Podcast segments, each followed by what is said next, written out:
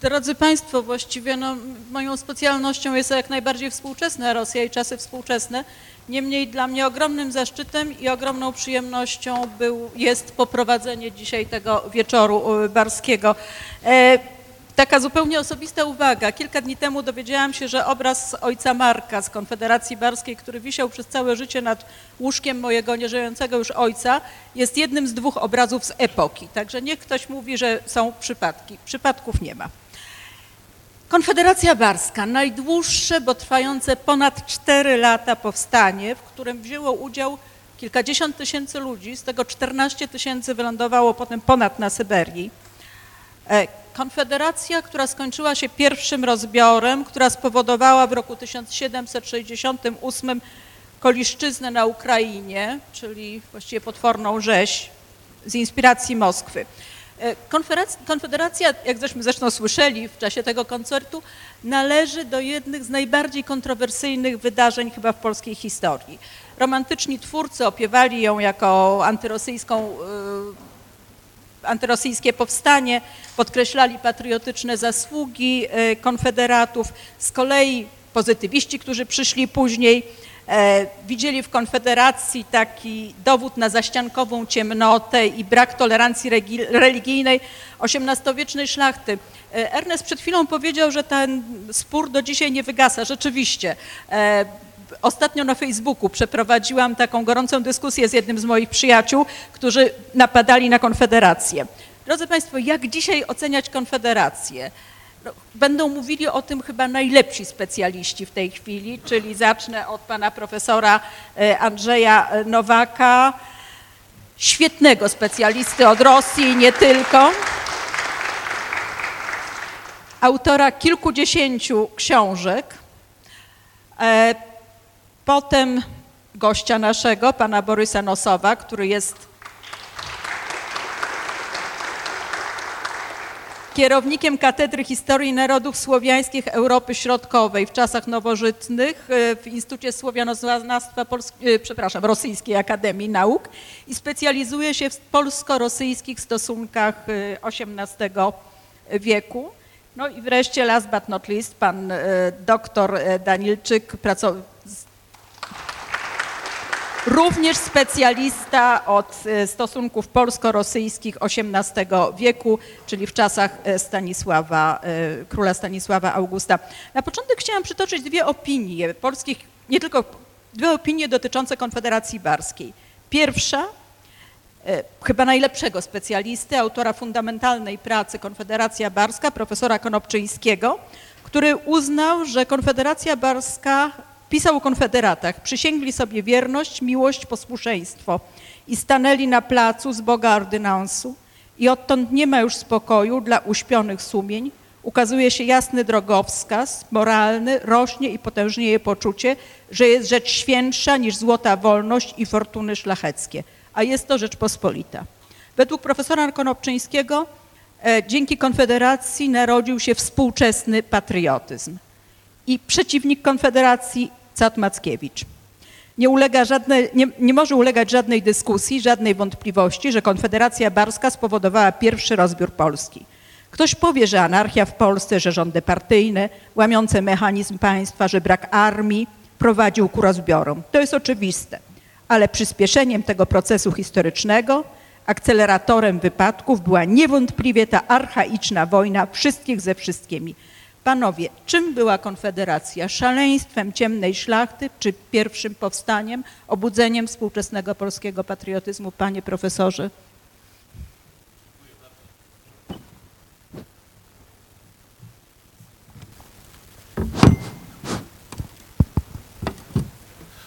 Y, dziękuję bardzo za zaproszenie do y, tego spotkania w tak ważnym y, jubileuszu.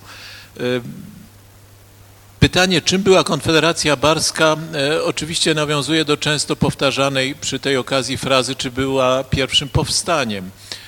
E, otóż w moim przekonaniu na pewno nie była pierwszym polskim powstaniem, nie dlatego, że jeszcze nim nie była, ale dlatego, że przed nią e, były powstania, które można określić jako narodowe powstania w obronie niepodległości. Pierwszym dla mnie takim powstaniem była oczywiście Konfederacja Tyszowiecka, która ocaliła niepodległość, która była zwycięskim powstaniem wyzwalającym Polskie, Polskę, Rzeczpospolitą raczej, e, spod panowania Szwedów, Moskwy i e, Siedmiogrodu w czasach potopu. E, Ale potem bliżej czasów barskich, bo to już pamiętali Barżanie, była konfederacja zawiązana w 1733-4 roku, kiedy Rosja wysłała trzy korpusy wojska, żeby narzucić króla, który odpowiadał e, e, carycy Annie Iwanownej e, jako władcę Rzeczpospolitej i w odpowiedzi powstała konfederacja czasem nazywana Tarłowską, która też ogarnęła duże połacie kraju, walczyła kilkanaście miesięcy i cechowała się wieloma tymi, można powiedzieć, specyficznymi elementami, które później powtórzą się w Konfederacji Barskiej. To znaczy walka o niepodległość. Wtedy upowszechnia się pojęcie niepodległości, które wprowadził Stanisław Konarski do naszego wokabularza politycznego właśnie wtedy, w 1733 roku. No bo okazało się, że Rzeczpospolita nie jest niepodległa, że trzy korpusy obcego wojska decydują, kto ma być wybrany królem. I stąd Może tylko dodam, że wtedy chodziło o Augusta III. Augusta dru- III. trzeciego, tak, trzeciego. Tak, tak. Y, I wybranego zamiast Stanisława Leszczyńskiego, którego poparło 11 razy więcej y, wyborców, można by tak w skrócie to y, określić. Ale y, też elementem ważnym, na który warto zwrócić uwagę, jest to, że już ta pierwsza konfederacja z 1734 roku zwraca się nie tylko przeciwko Moskwie, ale zwraca się i do narodu rosyjskiego. Wydaje odezwę, zdanie do uwagi narodowi rosyjskiemu i kozackiemu, e, jakby apelując, próbując apelować, znaleźć sojusznika tam przeciwko wspólnemu wrogowi. Kto jest wspólnym wrogiem? Carat. Carat jako system obcy w przekonaniu, w propagandowym zamyśle e, adres, znaczy nadawców tego komunikatu, jako system obcy narzucony także rosyjskiemu narodowi, jego tradycjom przez niemiecką e, no, biurokrację, można powiedzieć, prowadzoną przez Piotra. Tak sobie roili, myśleli konfederaci w 1734 roku, że pozyskają część e, e, no, że tak powiem, społeczeństwa rosyjskiego, jego elit do wspólnej walki ze wspólnym wrogiem. I to cechuje także Konfederację Barską. Też 7 marca 1768 roku, a więc tydzień równo po zawiązaniu Konfederacji w Barze, zostaje wydany apel, oświadczenie Konfederacji Barskiej e, narodowi rosyjskiemu, tym razem już tylko do narodu rosyjskiego skierowane, które powtarza tę samą argumentację, że no trzeba walczyć z tą obcą jakby dynastią, nierosyjską dynastią, która już panuje, niemiecką dynastią i jej biurokracją, która narzuca obce obyczaje, która zwalcza tradycyjną religię w Polsce, to jest katolicyzm, w Rosji prawosławie. I mówię o tym nie tylko dlatego, żeby zwrócić uwagę na pewnego rodzaju paradoksalność. Kon- Konfederacja, powstanie narodowe walczy przeciwko Rosji o niepodległość i szuka też jakichś potencjalnych No sojuszników. właśnie, bo Rosji. mówi się, że konfederaci jednak byli przeciwni reformom, o których myślał Stanisław August. I o tym właśnie na, na koniec mojej wypowiedzi, jeśli można słowo. Otóż Konfederacja Barska była wobec tego trzecim, na pewno nie pierwszym powstaniem. Najdłuższym powiedzmy. Najdłuższym 55 miesięcy, żadne tyle nie trwało, następne, ale myślę, że można ją nazwać y, pierwszą kontrrewolucją europejską, bo hasła Konfederacji zwracają się bardzo wyraźnie przeciwko specyficznie rozumianym ideałom oświecenia, które mówią o narzucanej przemocą tolerancji, o tolerancji opartej o bagnety obcych, y, w tym przypadku dworów, o podważanie tradycyjnej tożsamości, y, a więc nie tylko była to głupia, niemądra reakcja zawistnych magnatów, którzy zazdrościli, jak go pogardliwie nazywali, Ciołkowi czy Ekonomczukowi, bo i takie y, określenie kursowało wtedy przeciwko Stanisławowi Augustowi, ale kryła się za tym pewna reakcja na poczucie zagrożenia tożsamości tradycyjnej tożsamości i uważano, że w innych społeczeństwach też takie zagrożenie może występować, na przykład w rosyjskim przeciwko niemieckiej biurokracji, przeciwko, no, że tak powiem, obcym obyczajom, przeciwko próbie zglajszaltowania różnic narodowych. I paradoksalnie wyraził tę samą obawę ktoś, kto jest uważany za proroka rewolucji francuskiej, a który został wynajęty przez Barżan do napisania apologii Konfederacji Barskiej, czyli Jan Jakub Rousseau, który w swoich uwagach o rządzie polskich, polskim spisanych właśnie na życzenie konfederatów barskich, powiedział, że już nie masz Francuzów, Anglików, nie masz żadnych narodów, jest, są tylko Europejczycy i to jest straszna rzecz. Trzeba przeciwko temu protestować, burzyć się, walczyć. Oczywiście nie podnosił argumentów w obronie wiary, co było najważniejsze dla konfederatów, e, ale w obronie odrębnych tożsamości. Mam wrażenie, że można i tak spojrzeć na Konfederację Barską. Pierwsze powstanie przeciwko walcowi globalizacji, w tym przypadku w szatach oświecenia. Wiem, że to bardzo silnie zideologizowana interpretacja, ale warta rozważenia, bo ro- rozpoznaliby się w niej zapewne, nie jeden z konfederatów w każdym razie by się w niej rozpoznał. Pan profesor wspomniał tutaj o, roli, o tej odezwie konfederatów do Rosji, do narodu rosyjskiego, do społeczeństwa i narodu rosyjskiego, e, który został wezwany do tego, żeby wspólnie z konfederatami walczyć przeciwko e, carskiej, e, autorytarnej Rosji carskiej. Panie, tutaj chciałam do pana profesora. Panie profesorze, mm, czy ówczesna Polska mogła być jakimś zagrożeniem dla, dla Kremla, dla, dla władzy, bardzo silnej wtedy przecież władzy carycy Katarzyny? Przepraszam. E, Drogie koledzy, Дорогие коллеги, дорогие proszę nie przeszkadzać, że będzie mówić e, w języku rosyjskim. E, W начале krótkiego słowa, Na прежде początku чем swojego ответить krótkiego słowa, zanim na odpowiem postawiony na вопрос, postawione ja pytanie, хотел бы, chciałbym e, во-первых, Przede wszystkim podziękować za możliwość wystąpienia dzisiaj e, tym, przed tym audytorium, a po drugie oddać cześć pamięci wybitnym uczonym, naukowcom, historykom, którzy w rzeczywistości stworzyli fundament e, naukowego pojmowania Konfederacji Barskiej. Ja tutaj rozumiem, mam na myśli pana Konopczyńskiego, i drugiego e, wybitnego historyka, e, profesora Jerzego Michalskiego, wybitnego ucznia, e, który napisał wspaniałą monografię o e, końcowych latach Konfederacji Barskiej, która rzeczywiście nie skończyła się w 72 roku, ale co najmniej w 73 z Sejmem Warszawskim, a po drugie pióra Jerzego Michalskiego jest wspaniała monografia Rousseau, e, Sarmaty i sarmatyzm, e, to co już wspominał profesor Nowak, chciałbym wskazać... Mikrofon, mikrofon. E, chciałbym E, wskazać autora tej koncepcji, o której e, profesor Nowak mówił. Chciałbym e, również zatrzymać się jeszcze na jednym zagadnieniu. Rzecz w tym, że w 1995 roku sam osobiście mogłem spotkać się z profesorem Michalskim i wtedy o wielu rzeczach mówiliśmy. Między innymi rozmawialiśmy o Konfederacji Barskiej i profesor Michalski zadał paradoksalne pytanie, czym był była Konfederacja Barska? Ostatnim rokoszem szlacheckim czy pierwszym narodowym powstaniem? Widocznie w Konfederacji Było i jedno i drugie.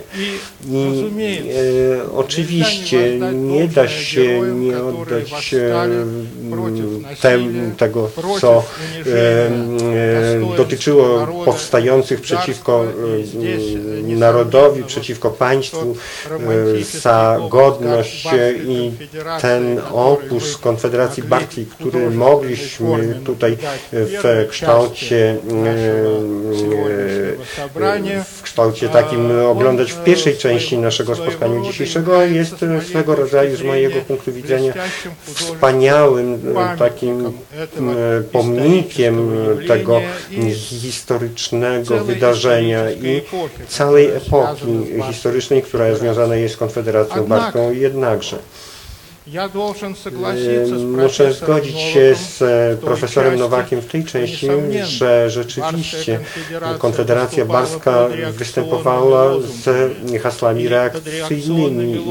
i z tymi haslami nie tylko z punktu widzenia reakcyjnymi e, idei oświecenia, tolerancji państwa regularnego. Konfederacja Barska e, występowała z hasłami e, ochrony przywilejów szlecheckich i e, głównym e, tym przywilejem była złota wolność szlachecka, która nie chciała oddać tej złotej wolności i na tym gruncie odrzuciła reformatorski program króla Stanisława Augusta. Chciałbym również e, przytoczyć wypowiedź e, Władysława Konopczyńskiego, który w ten sposób scharakteryzował stosunek e, konfederatów i króla, inaczej mówiąc króla i narodu. Jeżeli w trakcie Sejmu naród nie poparł króla, to w czasie Konfederacji król nie miał możliwości poprzeć narodu. I ta, e, to przeciwstawienie się e, tragiczne pomiędzy reformatorskim programem i e, hasłami e, konfederatów obrony wolności, złotej wolności, dają podstawy do tego, żeby negatywnie oceniać zarówno jako jak pomysł Konfederacji Barskiej, e, jak też e, roli historycznej, o której dzisiaj też mówiono. E, I e, kończąc, chciałbym kilka słów powiedzieć o tym, e, w jaki sposób Konfederacja Barska jest traktowana w Rosji. Koledzy zadali mi pytanie, czy wiedzą współcześni obywatele Rosji o Konfederacji Barskiej. Tutaj e, powinienem powiedzieć, że niedawno podczas jednych sesji naukowych zwrócona została uwaga na wyjątkowo mm, takie ciekawe e, zjawisko.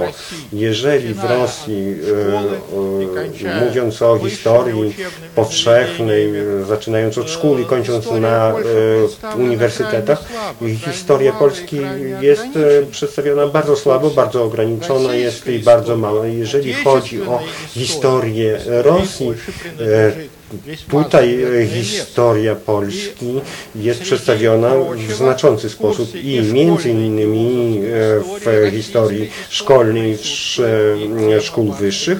Konfederacja Barska również istnieje. W jaki sposób jest rozwiązywany ten temat, powiem poniżej. A teraz chciałbym podkreślić, że to bardzo charakterystyczne, ta bardzo charakterystyczna okoliczność świadczy o tym, że jest wspólnota narodów e, Rosji i Polski i losów tych narodów. Tutaj przytoczyłbym wypowiedź, no, można powiedzieć, e,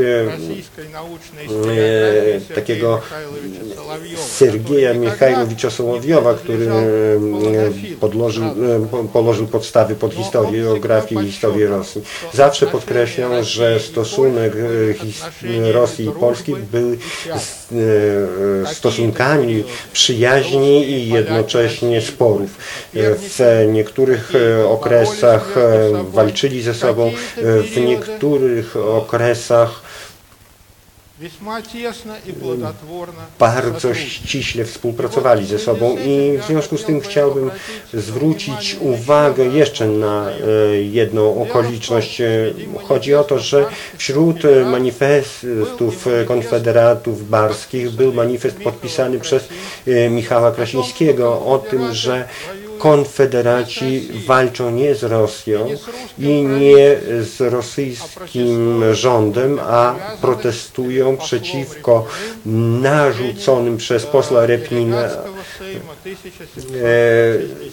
rozwiązaniom Sejmu 1867 roku i w tym manifestie Krasińskiego, tak, ten manifest e, był przez pewnego majora rosyjskiego dostarczony do e, ambasady Rosji, do posła rosyjskiego, został przekazany do Moskwy i tam jest teraz w archiwum w Moskwie. E, Pan Konopczyński widział ten manifest i cytował w swojej monografii.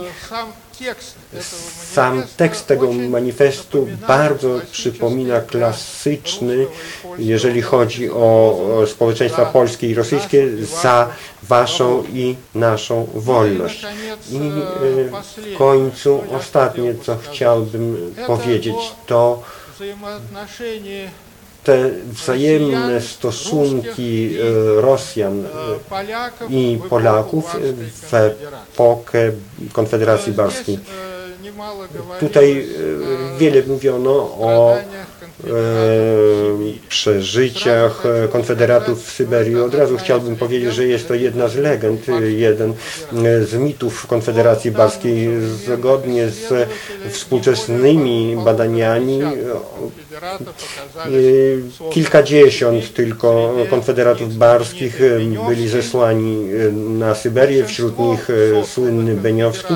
Większość zesłanych konfederatów, którzy trafili do Rosji, byli w kijowskiej guberni, w smoleńskiej guberni. Część z nich osiedlono w Jarosławiu, ale większość y, wziętych do niewoli konfederatów y, była wypuszczana na wolność. Oni podpisywali lojalkę, żeby nie przyłączali się do walki z Rosją.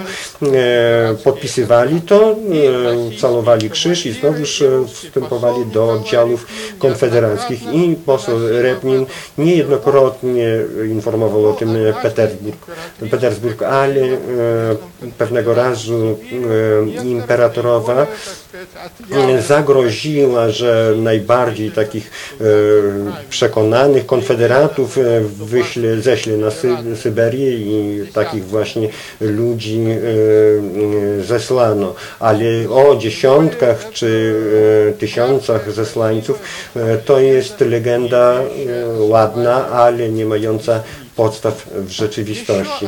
I jeszcze jeden ten y, bardzo ważny moment. Y, y, jak myślicie, można wytłumaczyć taki stosunek do konfederatów ze strony wojsk rosyjskich? To tłumaczy się bardzo konkretnie. To jest solidarność szlachty rosyjskiej i polskiej. Z jednej i z drugiej strony nie wolno było w niewoli prześladować, e, prześladować e, szlachciców. E, Ci, co trafili do niewoli, byli wypuszczani na wolność. I zupełnie inaczej wojska rosyjskie e, ustosunkowywały się do e, chłopów ukraińskich, których brano do niewoli. Tutaj mówiło się o tym, że Kalijowszczyna słynna była sprowokowana przez rząd rosyjski. To nie jest prawda. E, Katarzyna II e, przeprowadziła e, śledztwo. Byli znani winni i oni zostali wydani polskim, polskim e, władzom.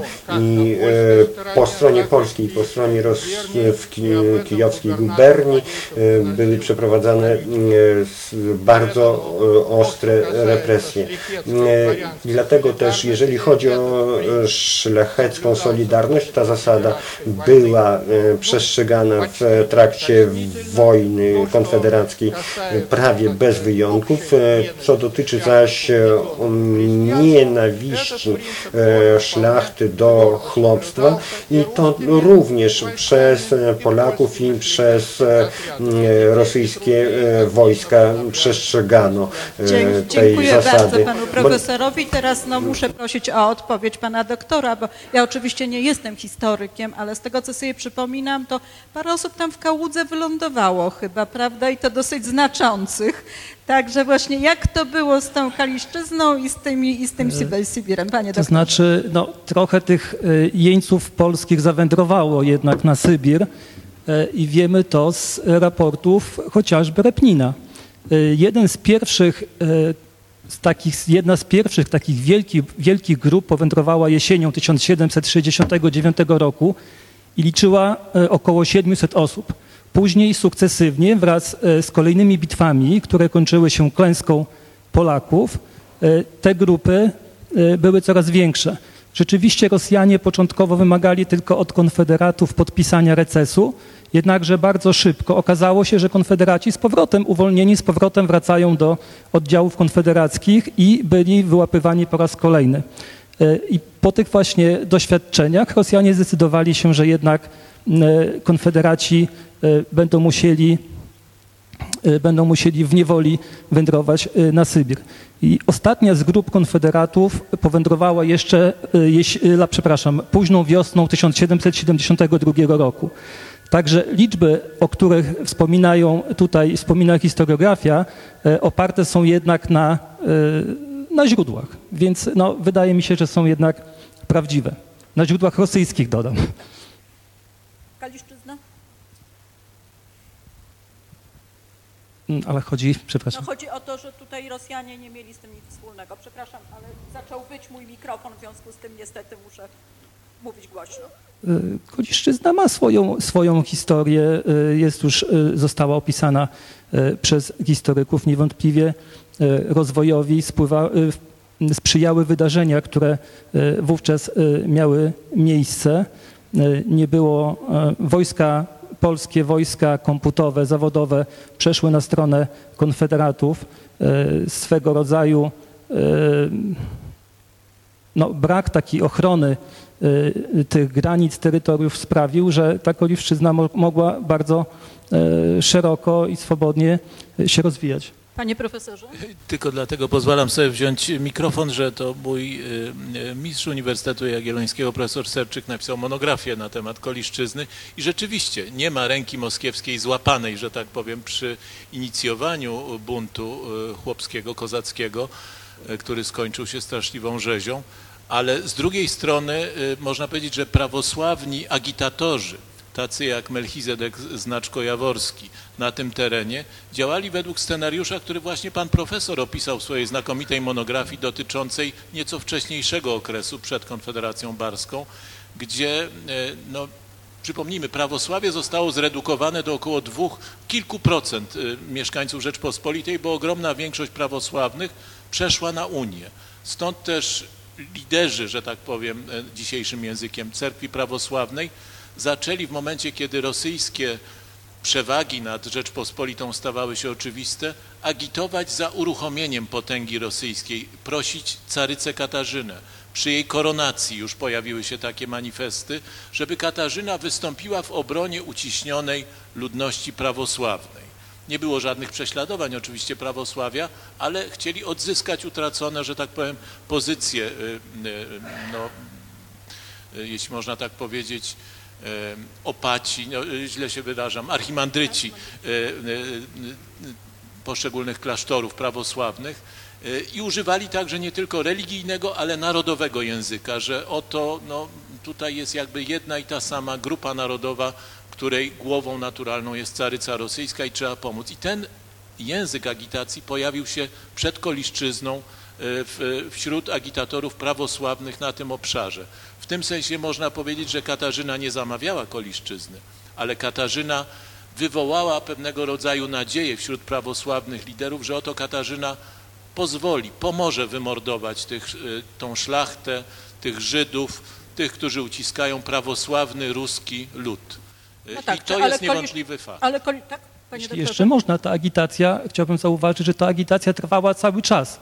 Nie tylko wcześniej, ale również po okresie Konfederacji Barskiej e, i w latach 80., z tym, że nasilała się wówczas, kiedy w interesie Rosji leża, e, leżało to, żeby zwiększyć e, oczywiście akcent tej agitacji, szczególnie przed rozbiorami, przed pierwszym i przed drugim.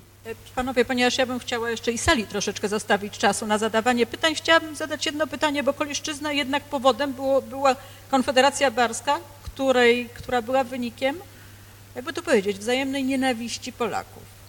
Czy możliwy był wówczas inny scenariusz, gdyby ta właśnie nienawiść wzajemna, ja mam na, ja mam na myśli król, konfederaci, e, familia, nie przesłoniła stronom sporu interesu Rzeczpospolitej. Może ja to troszeczkę zbyt górnie mówię, ale Jeśli można zacząć, ponieważ jak tutaj było też padło pytanie, czy to jest pierwsza, e, czy można to nazwać pierwszym powsta- powstaniem, czy też nie. Otóż e, trzeba podkreślić, a zaraz przejdę do tego, trzeba podkreślić, jakie były założenia Konfederacji Barskiej.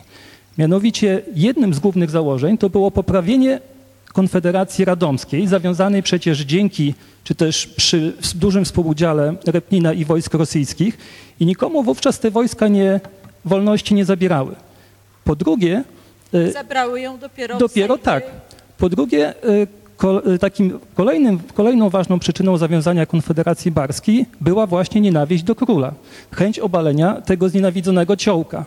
Więc jakiekolwiek porozumienie, a sukces można było odnieść tylko przy porozumieniu e, Stanisława Augusta z konfederatami, co konfederaci odrzucali. Więc jakiekolwiek porozumienie e, nie miało szans. Ale ja mam na myśli, czy możliwy był inny scenariusz dla Rzeczpospolitej.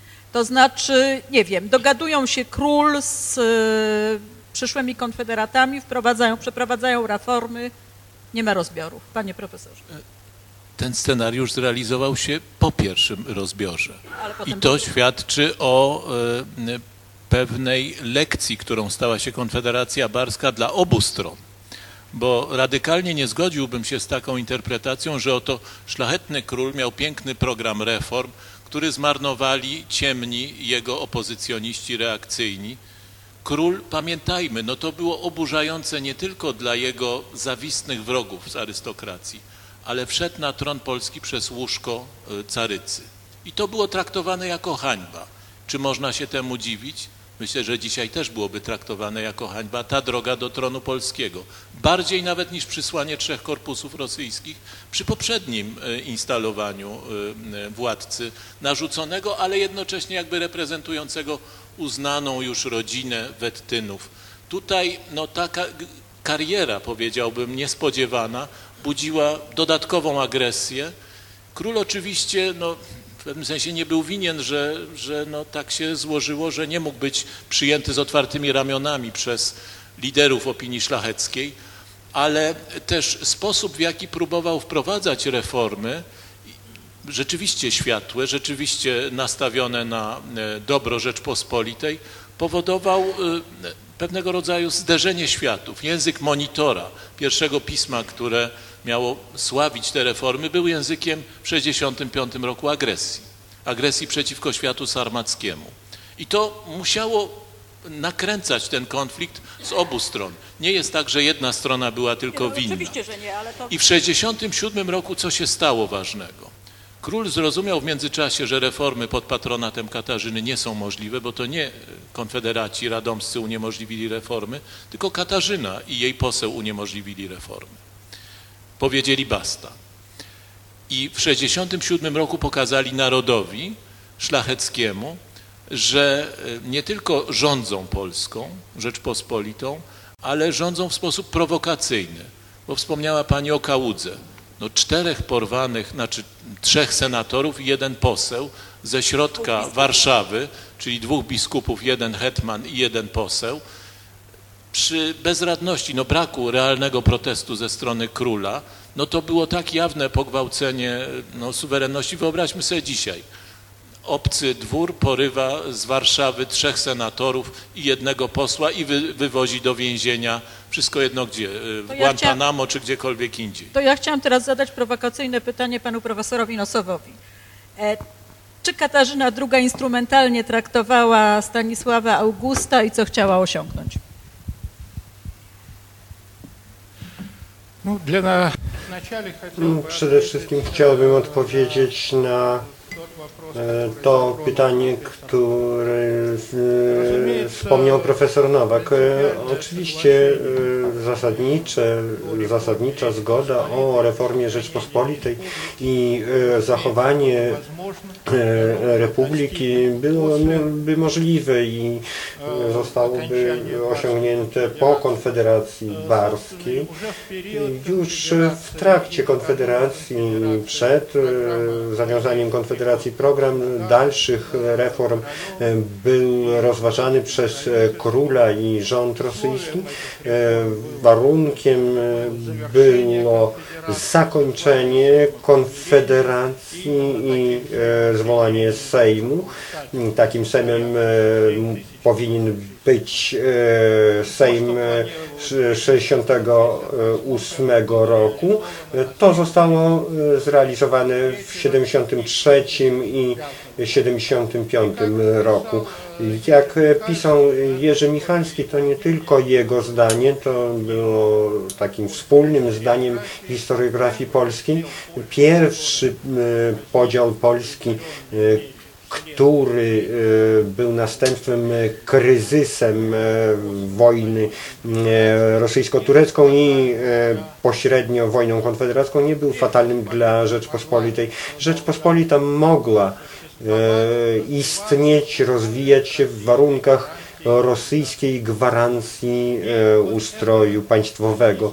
I właśnie ta rosyjska gwarancja, którą e, opisywała e, Katarzyna, i tutaj przechodzę do Państwa pytania, e, Rosja gotowa jest polskiej stronie e, pozwolić polskiej stronie na te reformy, e, które są potrzebne Rzeczpospolitej, e, byleby te reformy nie przekraczały rosyjskiej gwarancji. W ramach rosyjskiej gwarancji był założony e, rada, były przeprowadzone te zmiany, które dały możliwość profesorowi Kozynowi nazwać e, e, czasy Stanisława mm, e, rozkwitem w upadku. Inna sprawa, że pod koniec XVIII stulecia e, to ta epoka, która e, jakby współistniała z epoką e, Wielkiego Sejmu, ale to już inna historia i tutaj zupełnie inna i wewnątrzpolityczna i zewnątrzpolityczna sytuacja w Rzeczpospolitej, co w sumie doprowadziło do upadku Polski tak jak to się nazywa i e, w polskiej historiografii i w rosyjskiej historiografii. E, W trakcie Konfederacji Barskiej i po m, jej zdlawieniu kompromis był możliwy. E, Ten kompromis był wygodnym i dobrym dla obu stron i król Stanisław August przez całe swoje życie prowadził kurs na zachowanie możliwości tego kompromisu. O tym on pisał e, zarówno w swoich memuarach. E, Ten fakt e, został, był przyznawany również przez jego przeciwników w Rosji i w innych e, krajach europejskich. Trzeba powiedzieć, że ja już niejednokrotnie przytaczałem tę wypowiedź Katarzyny. Chciałbym i teraz też jeszcze raz w, tej, w 1795 roku, kiedy Stanisław August powinien był zrezygnować e, z panowania, zmusić go do tego musiał Repnin, który był namiestnikiem na Litwie, a więc e, wysyłając e, do Repnina rozkaz wymagania zrezygnowania przez Stanisława Augusta. Ja teraz z pamięci tylko będę cytował. Sami wiecie, że ten człowiek zawsze i we wszystkim był przeciwnikiem naszych e, dzieł. To jest ocena Katarzyny, no, no, ostatniego takiego aktu w historii e, Stanisława Augusta. Tak czy owak chciałbym e, konstatować, że polityczny kompromis, który mógłby i który w pewnym sensie wyprowadził Rzeczpospolitą na po, pozytywną drogę rozwoju po Konfederacji Barskiej został, e, został osiągnięty. Pośrednio o tym pisał e, w- Władysław Konopczyński, między innymi w swojej pracy e, Dziękuję bardzo. Jednym zdaniem, bo Semina- wydaje mi się, że bardzo ważne. Tutaj pan Tak, profesor wspomniał, że e, po pierwszym rozbiorze, że Rzeczpospolita mogła e, istnieć z rosyjską gwarancją. Ja bym tak krótko podsumował, że Rzeczpospolita być może mogła, ale społeczeństwo już nie. Dlatego, e, że kiedy e, Prusacy blokowali handel Gdańska, rzeczywiście król Polski odwoływał się tutaj z prośbą o pomoc Rosji, która e, interweniowała.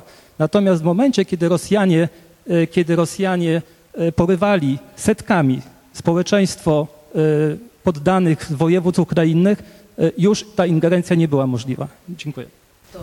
Przepraszam, e, nie- E, W żaden sposób nie mogę z tym się zgodzić, e, że mm, społeczeństwo polskie nie mogło istnieć w warunkach gwarancji rosyjskiej. Tutaj e, bym e, przytoczył e, au, e, e, autorytet Hip- Hipolita Greenwassera, który w swojej książce o demokracji szlacheckiej pisał już, e, jeżeli chodzi o e, początek XIX stulecia, szlachecka e, Rzeczpospolita e, politycznie zginęła w 1791 roku w e, społecznym e, sensie.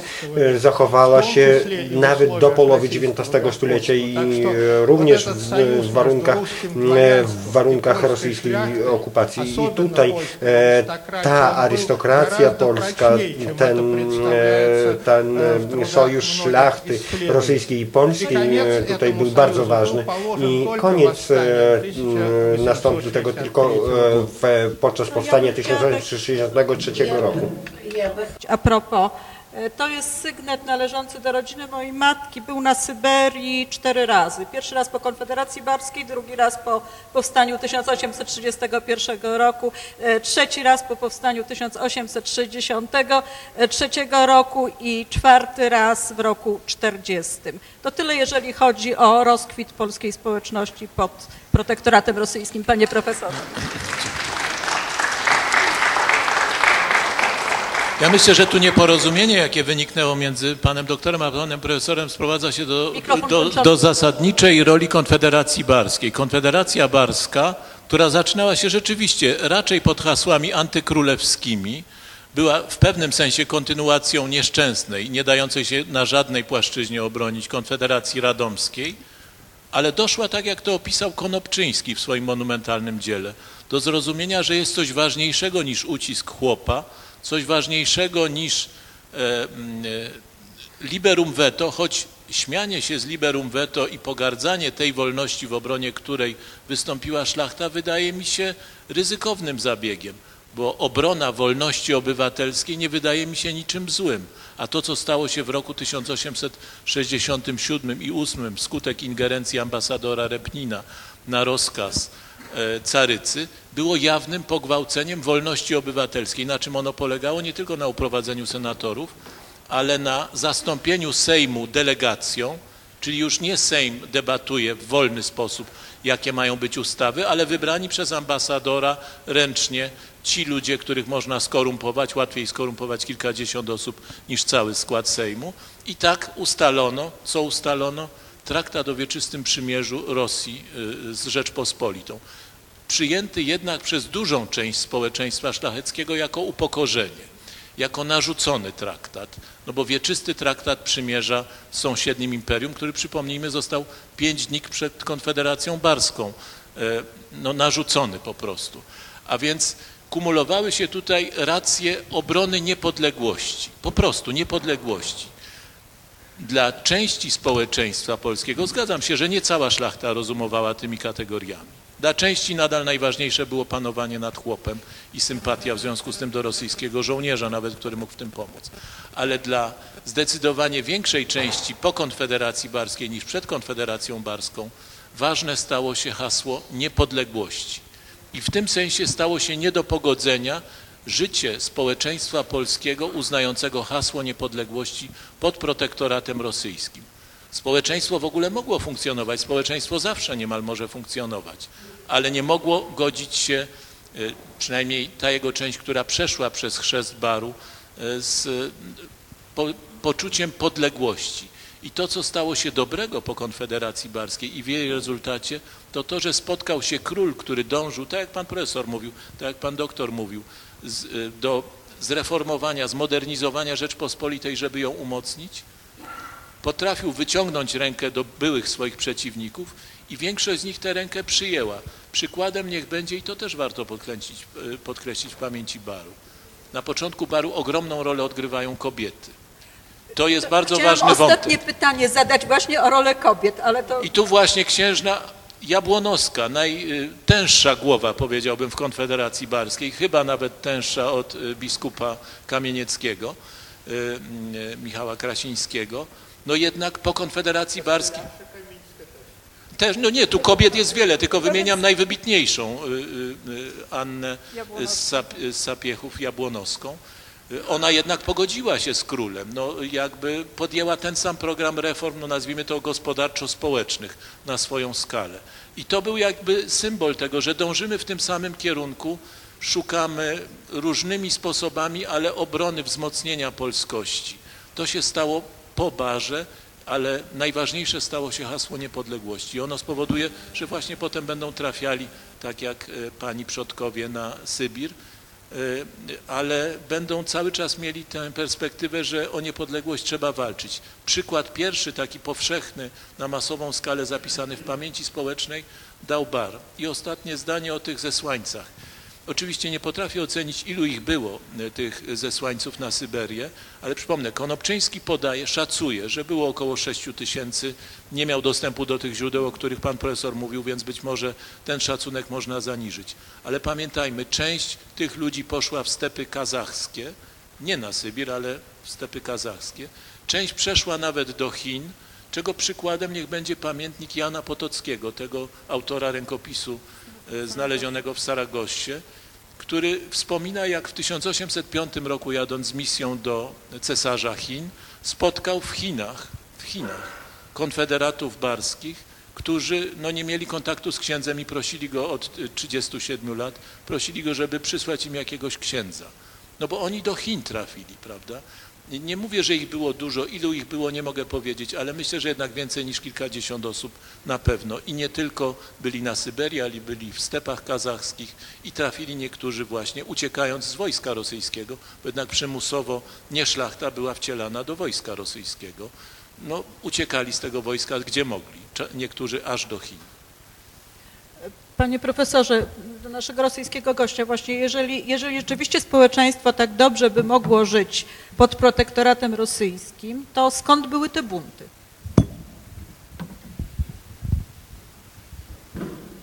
No, e, ma się rozumieć, e, tutaj nie ma mowy o tym, że dla e, społeczeństwa protektorat był czymś bardzo dobrym, ale wracając do e, Władysława Konopczyńskiego. E, jaki wybór e, miało społeczeństwo polskie? Ten wybór bardzo dobrze rozumiał i król Stanisław August, mówiąc na samym początku swojej konfederacji barskiej Władysław Konopczyński pisał o Repninie, że jeżeli na Repnina padła taka e, rola, e, przypadła mu w udziale e, takiego gwałciciela, to on całkowicie spełnił tę ro, rolę na korzyść Prus. Ma się rozumieć, protektorat rosyjski nie był aktem e, czegoś dobrego w stosunku do Polski. Но Ale Stanisław August doskonale rozumiał, że w tym e, przeciwstawianiu się polityki rozdziału i protektoratu rosyjskiego lepiej wybrać politykę protektoratu niż politykę podziału. I taka pewna e, niedalekowzroczność e, Sejmu Wielkiego, którzy mieli nadzieję na Prusy, że Prusy obronią przed Rosją i w wyniku i Rosja i Prusy podzieliły drugi raz e, Polskę. I ten drugi podział był śmiertelnym dla Rzeczpospolitej i właśnie teraz z punktu widzenia minionych stuleci możemy powiedzieć, że Polska była, miała, stała przed wyborem. Albo prowadzić politykę reform w ramach protektoratu, prowadzić e, taką politykę w ramach protektoratu sojuszu polsko-rosyjskiego, a ta idea już pod koniec XVII stulecia e, powstała i e, ta idea trwała w, e, przez całe XVIII stulecie. I gdyby to e, ta idea nie miała żadnego znaczenia, czy mogłaby ona 100 lat e, była mm, podtrzymywana przez obie strony. Ma się rozumieć, że nie. To znaczy, że społeczeństwo i polskie i rosyjskie były obiektywnie zainteresowane w tym sojuszu. To, że ten sojusz nie miał, nie zrealizował się albo zrealizował się w ten sposób, w jaki zrealizowany został w historii, to jest fakt.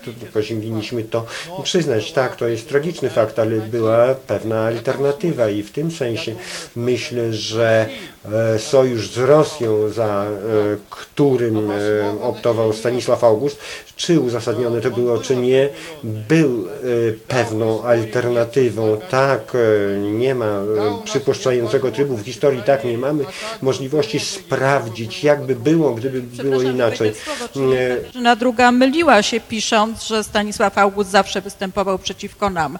E, Pytanie do, do, do, do polskich uczonych. Ja rozumiem, że to współpraca zaczęła się w roku 1717, czyli Sejm Niemy, tak? E, Czyli jak to wyglądało, te, ta chęć wspólnego działania państwa rosyjskiego i polskiego i czy rzeczywi- rzeczywiście pod protektoratem Rosji Rzeczpospolita mogłaby e, przeprowadzić reformy i spokojnie rozwijać się dalej? Czy rzeczywiście była to taka Może- ochrona przed y, nazist, y, nie, nie, tfu, nie nazistowskimi Niemcami, a Prusami? Może, za, może zacznę od końca. Otóż e, w interesie Rosji nie leżały jakiekolwiek reformy w, w Rzeczypospolitej, być może poza niewielkimi usprawniającymi funkcjonowanie administracyjne państwa, chociażby Rada e, Nieustająca, która po pierwszym rozbiorze została przez Rosję narzucona e, i była takim de facto pierwszym rządem e, w Polsce. Natomiast wszelkie inne reformy, które miałyby, czy mogłyby te państwo usprawnić, uczynić silniejszym, nie były w interesie Rosji. To, to jedna rzecz. Druga rzecz, no, jeśli mówimy o y, sojuszu, no to y, znowuż, y, jeśli dwa państwa o podobnym potencjale zawierają sojusz, mogą sobie dyktować warunki i negocjować. Natomiast w momencie, kiedy mamy bardzo silną Rosję i bardzo słabą Rzeczypospolitą, no to ten sojusz będzie taki, jaki będzie chciała Rosja.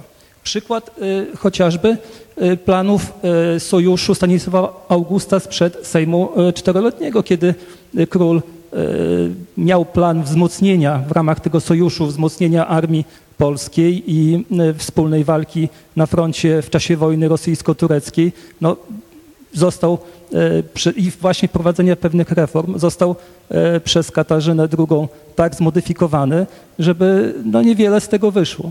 Więc silniejszy dyktuje warunki i tak jak powiedziałem, no ten, ten sojusz i protektorat e, różnie, e, różnie byłby postrzegany. Dziękuję.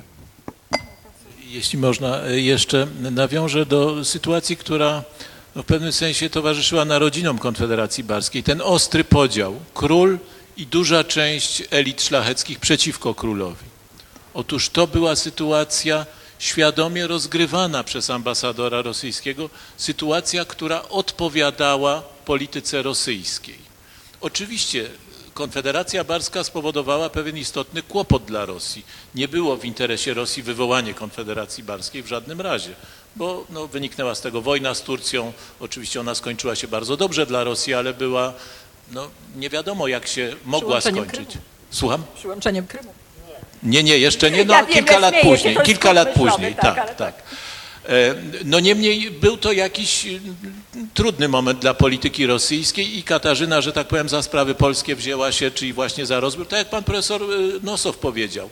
Pierwszy rozbiór Polski nie był wynikiem bezpośrednio Konfederacji Barskiej, a co najwyżej pośrednio, bo bezpośrednio był tym powodem kryzys, szerszy kryzys dyplomatyczno-polityczny, którego kluczową częścią była wojna turecko-rosyjska, choć nie jedyną. E, Wracając teraz do kwestii podziału w Rzeczpospolitej. Otóż właśnie w momencie, kiedy Stanisław August zbliża się z częścią opozycji, bo z całą nigdy nie mógł, część tej opozycji pozostanie wierna, że tak powiem, myśli, iż lepsza Katarzyna niż Stanisław August. To ta, która stanie się później liderem Konfederacji y, y, Targowickiej. Ale skoro udało mu się zbliżyć z dużą i wpływową częścią opozycji, Wtedy Polska mogła zacząć się reformować i to nie była reforma, na którą Rosja Katarzyny zgodziłaby się. Tego rodzaju reforma była niemożliwa. Czyli drugi Czego- rozdział, drugi rozbiór Polski był nieunikniony? Tak, gdyby nie było nawet sojuszu rosyjsko, przepraszam, polsko-pruskiego, który był błędem, całkowicie zgadzam się tutaj oczywiście z oceną pana profesora Nosowa, że liczenie na pomoc Prus była wielką naiwnością i zresztą Stanisław August trochę, trochę sobie z tego zdawał sprawę. E, nie, O tyle nawet gdyby nie było tego sojuszu, to e, Katarzyna po wyplątaniu się z wojny z Turcją kolejnej, z wojny ze Szwecją, zagrożenia wojną z Anglią, bo pamiętajmy, wszystko to towarzyszyło obradom Sejmu Czteroletniego. To była szansa jakby dla Rzeczpospolitej, że Rosja ugrzęzła w niebezpiecznej sytuacji geopolitycznej, która tworzy pewną przestrzeń nadziei dla Rzeczpospolitej, że możemy się zreformować wbrew Rosji, bo Rosja nie pozwoli na te reformy, które przede wszystkim dadzą nam armię. Armię przynajmniej 50-tysięczną, a w przyszłości może nawet 100-tysięczną, która będzie mogła zagrodzić drogę armii rosyjskiej do wprowadzania porządków, takie jakie e, odpowiadają carycy Katarzynie czy jej następcom e, w Rzeczpospolitej. Więc tu była granica reform e, wprowadzanych w Polsce. Można je było wprowadzić tylko w sytuacji, kiedy Rosja no, chwilowo ma ręce skrępowane. Tak było w czasie Sejmu Czteroletniego, ale Katarzyna doskonale pamiętała. Jak tylko ma- e, ręce jej zostały rozwiązane, użyła tych rąk, żeby zdusić polskie reformy. Dlatego że tak jak mówił pan doktor Danilczyk, traktowała je jako zagrożenie dla interesów państwa rosyjskiego, których była znakomitą strażniczką. Niewątpliwie jak mało który z władców Rosji rozumiała interesy Imperium Rosyjskiego i starała się je realizować, niestety były to interesy radykalnie sprzeczne z polską niepodległością.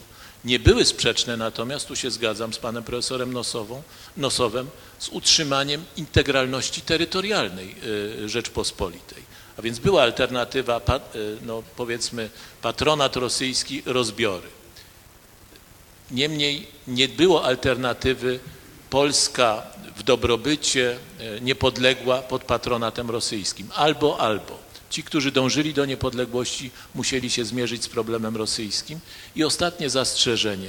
Nawet to, e, co powiedziałem przed chwilą, że możliwy był patronat rosyjski, który utrzymywał integralność terytorialną Rosji w sytuacji, gdyby polskie elity to zaakceptowały, a po barze już nie bardzo akceptowały. Otóż pojawia się tu znak zapytania. Istniało coś, co można by nazwać bardzo silnym prorozbiorowym lobby w Petersburgu. Y, No, klika Czernyszowów. Oni chcieli zająć jakieś terytorium dla siebie, nie, niekoniecznie dla Imperium Rosyjskiego, ale żeby mieć własne majątki. I oni cały czas naciskali carycę, żeby wreszcie dokonać zaboru kosztem Rzeczpospolitej. Skoro jesteśmy o tyle silniejsi, to możemy zabrać coś Rzeczpospolitej. A więc nawet to założenie, które przedstawił pan profesor Nosow, że Rosja byłaby utrzymała integralność terytorialną Rzeczpospolitej, trzeba opatrzyć znakiem zapytania. Bo Rosja obawiała się wciąż wykorzystania Rzeczpospolitej, nawet jeśli nie samej Rzeczpospolitej, to wykorzystania Rzeczpospolitej przez układ sojuszy niechętnych Rosji, układ sojuszy, którego sercem byłaby Francja od początku XVIII wieku. Ten scenariusz budził niepokój w Petersburgu, że Francja zbuduje tą tak zwaną barierę de l'Est, prawda, tą barierę wschodnią, której centralnym ogniwem będzie Rzeczpospolita. Na północy Szwecja, w środku Rzeczpospolita, na południe Turcja, które zagrodzą dalszą drogę do ekspansji, do wpływów w Europie Imperium Rosyjskiego. I dlatego w imię imperialnych interesów Rosji trwanie niepodległej, mogącej wybierać sojusz z Francją albo sojusz z Rosją, ale mogącej wybierać. Taka Rzeczpospolita, która może wybierać, była absolutnie nie do przyjęcia przez Rosję. Rzeczpospolita mogła istnieć wybierając tylko i wyłącznie opiekę rosyjską, czyli rezygnując z niepodległości. I przeciw temu powstali Barżanie. Drodzy Państwo, konkludując, bo chcę jeszcze 20 minut, żeby sala mogła zadawać pytanie. E, konkludując, właściwie nie rozstrzygniemy. Plusy, więcej plusów, więcej minusów miała Konfederacja Barska, natomiast wniosek jest jeden i myślę, że szalenie aktualny. Nie kłóćmy się, bo Polska na tym na pewno nie skorzysta. A teraz chciałabym Państwu oddać głos.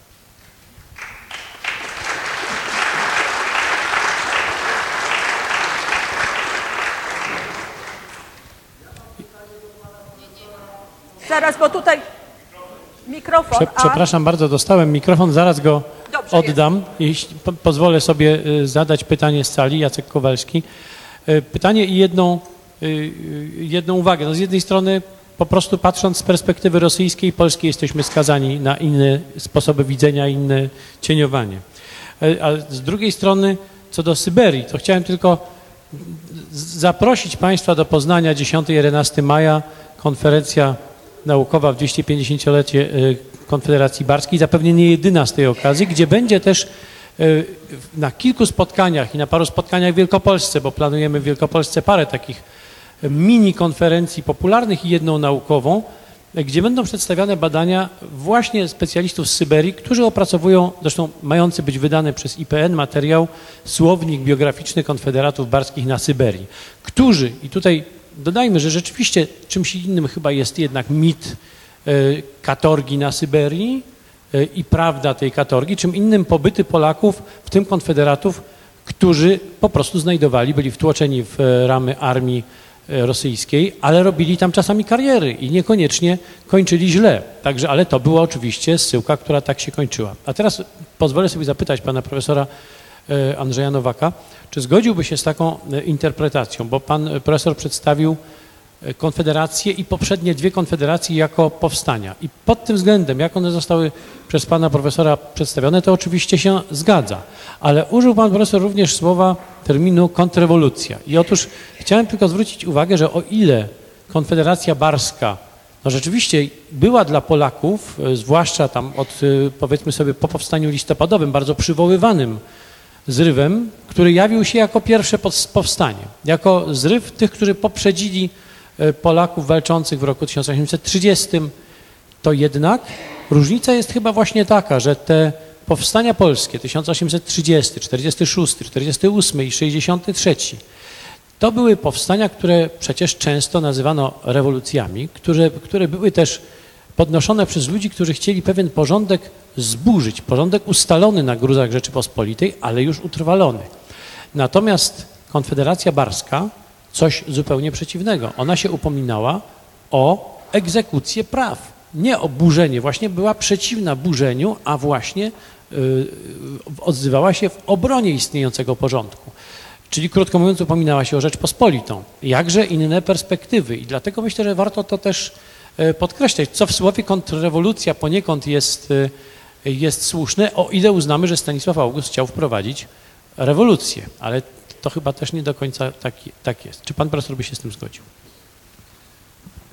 Najkrócej odpowiem jak Nowak Kowalskiemu, że oczywiście z przyjemnością się zgadzam, że to jest całkowicie zgodne z moją e, e, interpretacją. E, dodałbym może jeszcze co najwyżej tyle, że e, oczywiście nie, nie używane jest jeszcze w nowoczesnym pojęciu słowo rewolucja ani kontrrewolucja, w związku z tym w roku 1768 to jest pewnego rodzaju przenośnia, e, metafora e, troszkę może anachroniczna.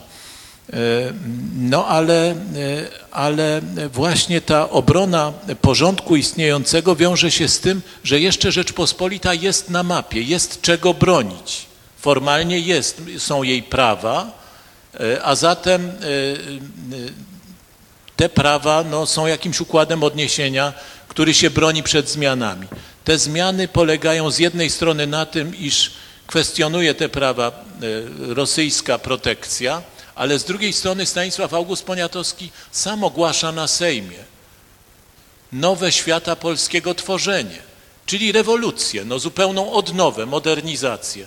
Modernizacja przyjęta przez część opinii szlacheckiej jako zamach. Zamach na to, co znane, do czego przyzwyczailiśmy się, co jest naszym prawem. A król mówi tutaj nowe świata polskiego tworzenie.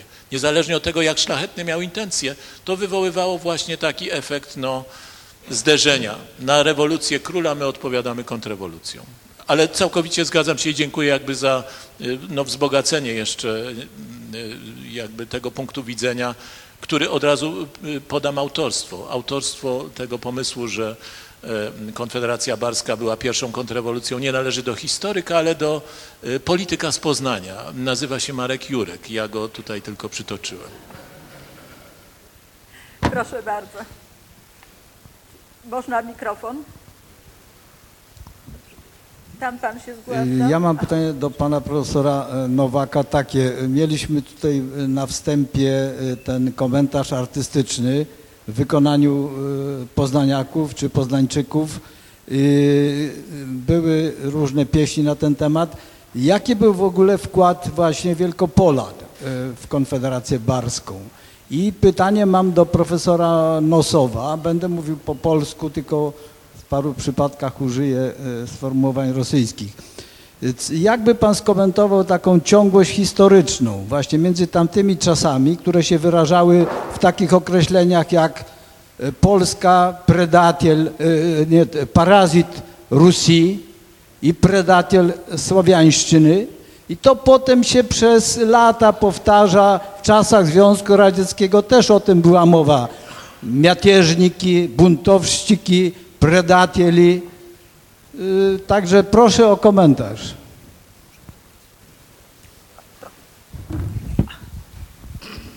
Profesor Nowak.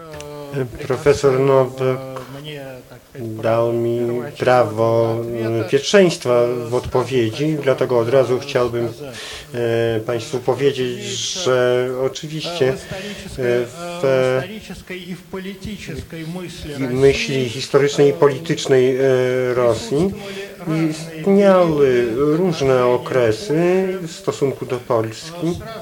Od razu chciałbym Państwu powiedzieć, że te terminy predaty, bunczewsik i tak dalej, i tak dalej, e, wszystko to, co Pan przytoczył, e,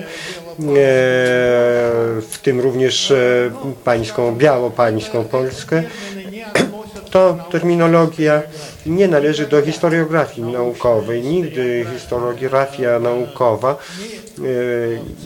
ani w carskiej e, Rosji, ani w Związku Radzieckim, tym bardziej po 1991 roku w Rosji, nie operowała tymi pojęciami. To są pojęcia, powiedzmy w ten sposób, e, które e, są związane z pewnego rodzaju propagandystami, publicystami, chociaż każde publiczne wystąpienie jest takim dążeniem do propagandowania swojego punktu widzenia. Z tego punktu widzenia ja też również występuję jako propagandysta.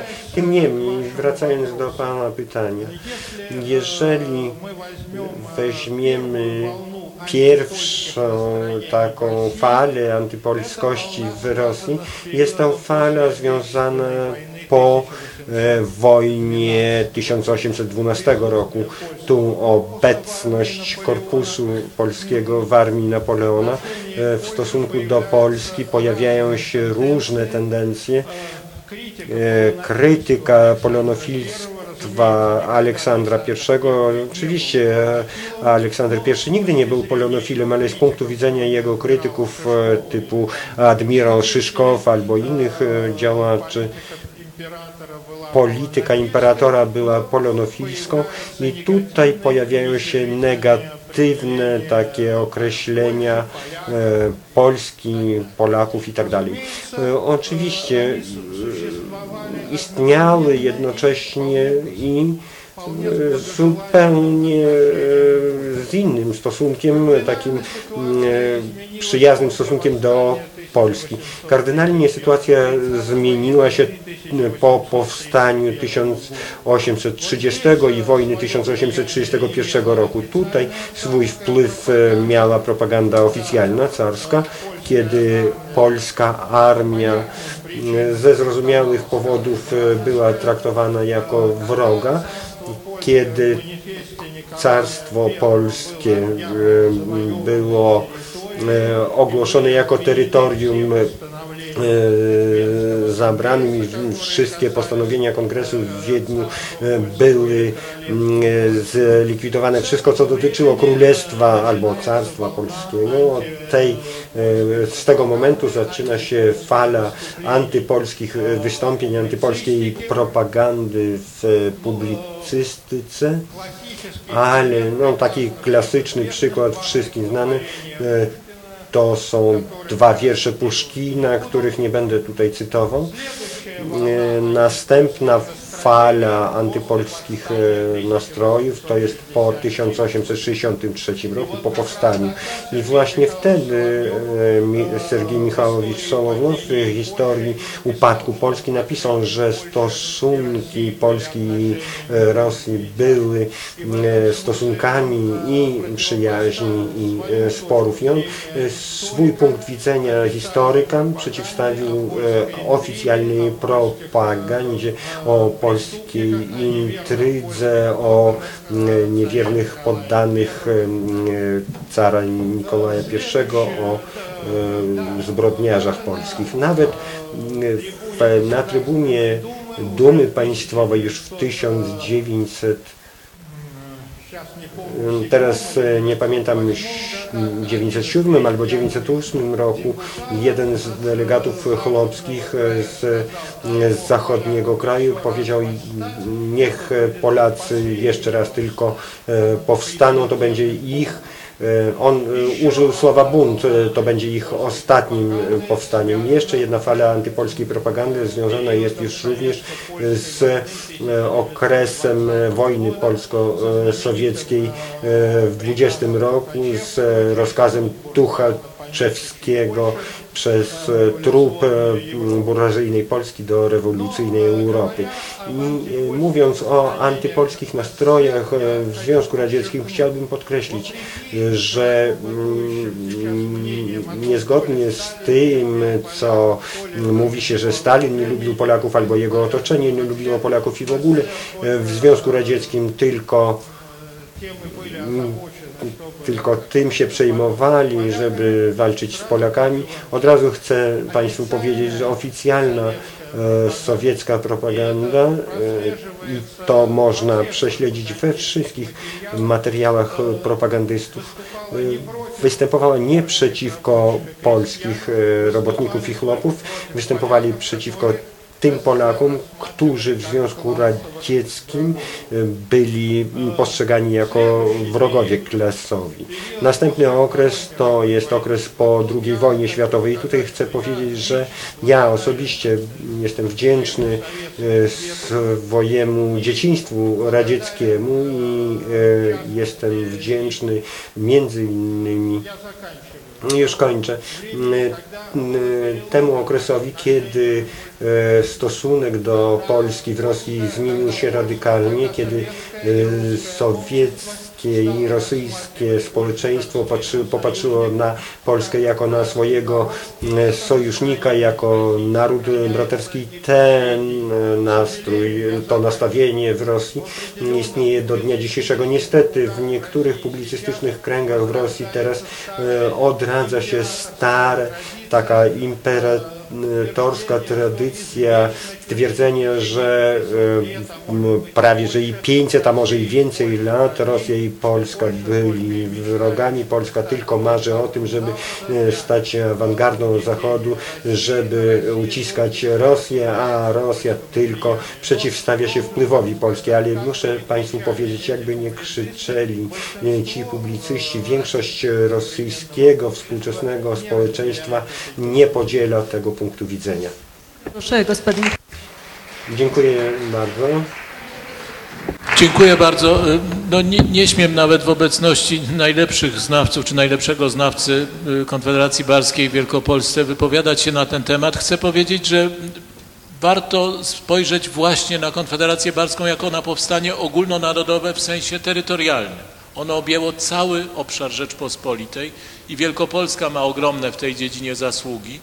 No, symbolem niech będzie wspominany już tutaj w części artystycznej Józef Zaręba, niewątpliwie jeden z najlepszych, jeśli można tak powiedzieć, dowódców Konfederacji. Ale upomnę się tutaj o swoje krakowskie spojrzenie, bo to jeden z ostatnich momentów w historii, kiedy również Kraków wystąpił dzielnie e, w, e, w patriotycznej sprawie. E, To jednak Kraków i Częstochowa, Tyniec, Wawel, to są miejsca szczególnie ważne w historii Konfederacji, co nie znaczy, że inne dzielnice, w tym szczególnie Wielkopolska, nie miały tutaj e, swoich ogromnych także zasług, ale cmentarzyki zapadające się dzisiaj pod ziemię konfederatów barskich są na całym obszarze, wykluczając oczywiście tak zwane e, ziemie odzyskane dzisiejszej Polski i na połowie dzisiejszej Ukrainy, na prawie całej Białorusi i na całej Litwie. Także no, to trzeba podkreślić, a nie wybierać jedną dzielnicę, bo to było w każdej dzielnicy. Nawiążę tylko krótko jeszcze do e, mini wykładu profesora Nosowa. E, e, Ostatnio no, próbowałem zbadać poezję rosyjską XVIII-wieczną i w niej śledzić jakby narodziny tych stereotypów.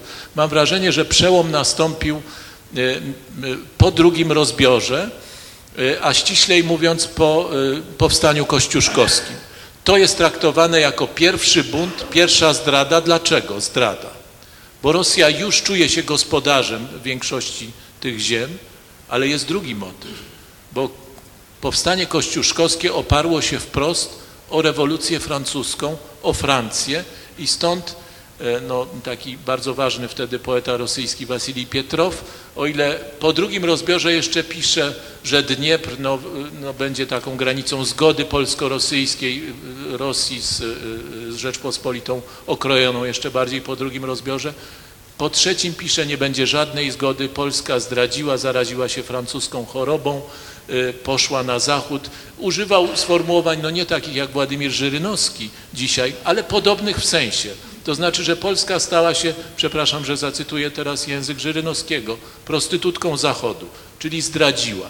Natomiast termin zdrady słowiańszczyzny y, wiąże się, tak jak powiedział pan profesor Nosow, przede wszystkim z wierszem Puszkina oszczercom Rosji, że rozstrzygnięty został spór słowiański. Jeśli Polska buntuje się przeciwko temu rozstrzygnięciu, to narusza jedność słowiańszczyzny, bo w słowiańszczyźnie jest miejsce tylko dla jednej matki, czyli dla Rosy, prawda? No i potem pojawia się już dosłownie termin Judasz słowiańszczyzny wprowadzony przez Jutczewa, e, ale także no, jeden historyk, no tutaj musi być wymieniony, Michał Pogodin. On używał tego terminu zdrajca słowiańszczyzny w odniesieniu do Polski. Dziękuję. Panie profesorze, ale błagam króciutko. E, Chciałbym dodać. E, Chciałbym dodać tylko do odpowiedzi profesora Nowaka, o Poznaniu. Rzecz w tym, że Poznań w historii Konfederacji Barskiej rzeczywiście odegrał bardzo unikalną i bardzo ciekawą e, rolę, mając na uwadze mieszcza, mieszczan e, po, Poznania w Konfederacji Barskiej. Ja myślę, że jest to jedno z takich zadań dla historyków na przyszłość e, w tej dziedzinie. I oczywiście profesor Nowak e, absolutnie ma rację, kiedy mówi, że w Rosji nie do przyjęcia był po, polski jakobinizm i wszystko, co z tym związane. Poproszę pana doktora o ostatnie słowo, bo jest tutaj pan dyskryminowany i podziękujemy wspaniałym dzisiejszym panelistom. E, O Konfederacji Barskiej, czy Podsumowując. E, Wydaje mi się, że ocena, właśnie podsumowując Konfederacji Barskiej, nie może być e, jednoznaczna. Główny, największy historyk Władysław Konopczyński, który napisał no, pierwsze i ostatnie słowo, można powiedzieć, w tym temacie, nie ma pracy, która by bardziej zgłębiła ten temat, miał wyraźny problem z, e, z jej oceną. Z jednej strony e, w książce przebija się z jego olbrzymia sympatia do konfederatów i jednocześnie e, olbrzymia niechęć do głównie liderów do konfederackich, do ich no, głupoty, do kłótliwości, do takich cech typowo sarmackich, które sprawiały, że gdzieś ten podział ponad właśnie tymi swoimi ideami nie był możliwy, że zaprzepaszczono rzeczywiście szansę e, pogodzenia się z królem, szansę wspólnej walki i wybicia się e, właśnie na niepodległość w tym czasie, bo trzeba przyznać, że lepszego momentu chyba nie było. No, przy wojnie tej Rosji z Turcją, e, kiedy dwie trzecie wojsk rosyjskich opuściło nasz kraj i ruszyło na front e, e, turecki, no, była idealna okazja. Niestety zostało to zaprzepaszczone. Bardzo, bardzo dziękuję trzem panom. Bardzo dziękuję państwu i bardzo dziękuję za zaproszenie organizatorów.